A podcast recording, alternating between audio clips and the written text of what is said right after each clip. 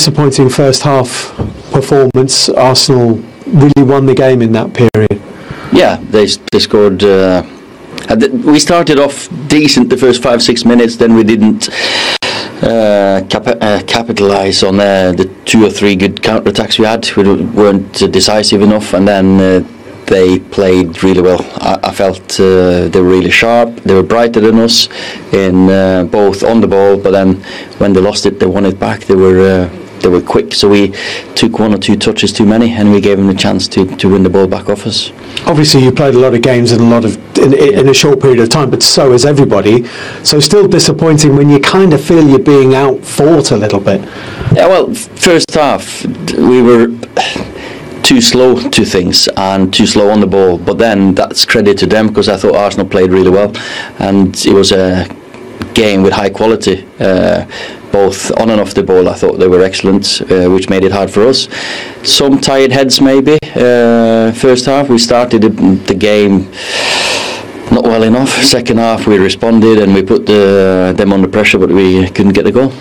Um, had you got a goal, there, there was still an edginess around the stadium. You always felt if you'd got one, it might have happened for you. Yeah, uh, but then uh, we didn't. So uh, you can talk about that all day long. We we kept going. We uh, pushed them back, created half decent chances, but the quality in the last uh, the, the, finish or the uh, the last cross wasn't good enough.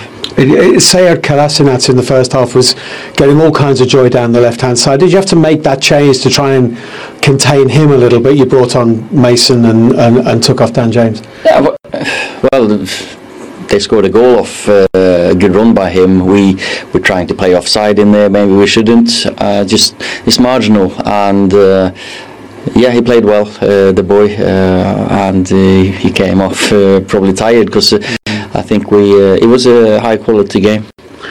No Pogba. I know you explained prior current notice on how long that might take uh, no, I don't know, three, four weeks maybe. I don't know. So let's see. Uh, he's been advised to uh, to have an operation uh, by uh, by his people, and he'll probably uh, probably do that. Goodness me, we'll come to Paul Pogba in a moment. Um, in terms of Manchester United in general, is that where they're at at the moment? Two big steps forward with the, the last two results, six points out of six, and then we see what we've got tonight. They can't get any momentum at the moment. No, and they're, they're in a good run. They're in a good run generally at the moment, mm. but that's where United are at at the moment. Um, and especially just feel that creative spark just that one who can unlock the door.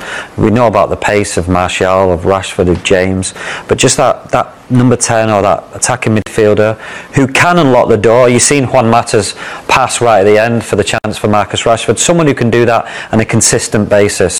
And um, yeah, it's frustrating because you go on a sort of run and then there is a bit of a setback. But learn from it and, and carry on and just try and remember that at the moment they are in a decent run. It was a disappointing first half performance, but you know, when you're winning, don't get too ahead of yourself, and when you're losing, don't get too down. Now, we can't really discuss any Manchester United performance at the moment, it would seem, without mentioning Paul Pogba, whether he's playing or not. First of all, before the game on social media, he produced this post from a vehicle with that picture with the message, rather cryptically, best way to start 2020. Now, first of all, Ryan, you're bringing in a Manchester United's tradition and history. What's your initial reaction when you see that? uh, well, I'd have to disagree. I think the best way to start 2020 would be on that pitch at the Emirates. Um, obviously, he's, he's, he's, not not fit, uh, so that's that's not possible. But I feel sorry for Ole. You know, he's got to continuously answer questions on, on Paul Pogba and um, I say that United are on a good run at the moment, and that's without him. He's he's come on and done okay in a few games, but um, it's disappointing at the moment because he is a talent. We talk about him all the time. He's not consistently done it for United, and um, yeah, Ole can only deal with the players that are fit at the moment, and to continuously answer questions on a player that's rumoured to be leaving, to be injured, um, to be elsewhere when he should be perhaps in in, in Carrington training, um, it's frustrating for a manager.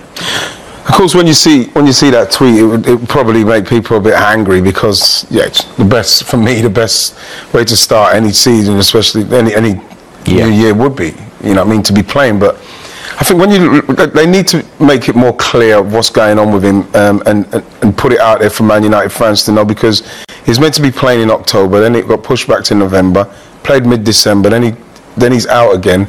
You're hearing um, Well, I was going to say, the other subplot to what Yes. you're saying there is the last sentence from Ole Gunnar Solskjaer. Yeah. He's been advised have surgery by his so people. this is where this is what this is what's um, for me. This is where you f- see that there's loggerheads. Things are happening now because that's obviously not the, the Man United medical team.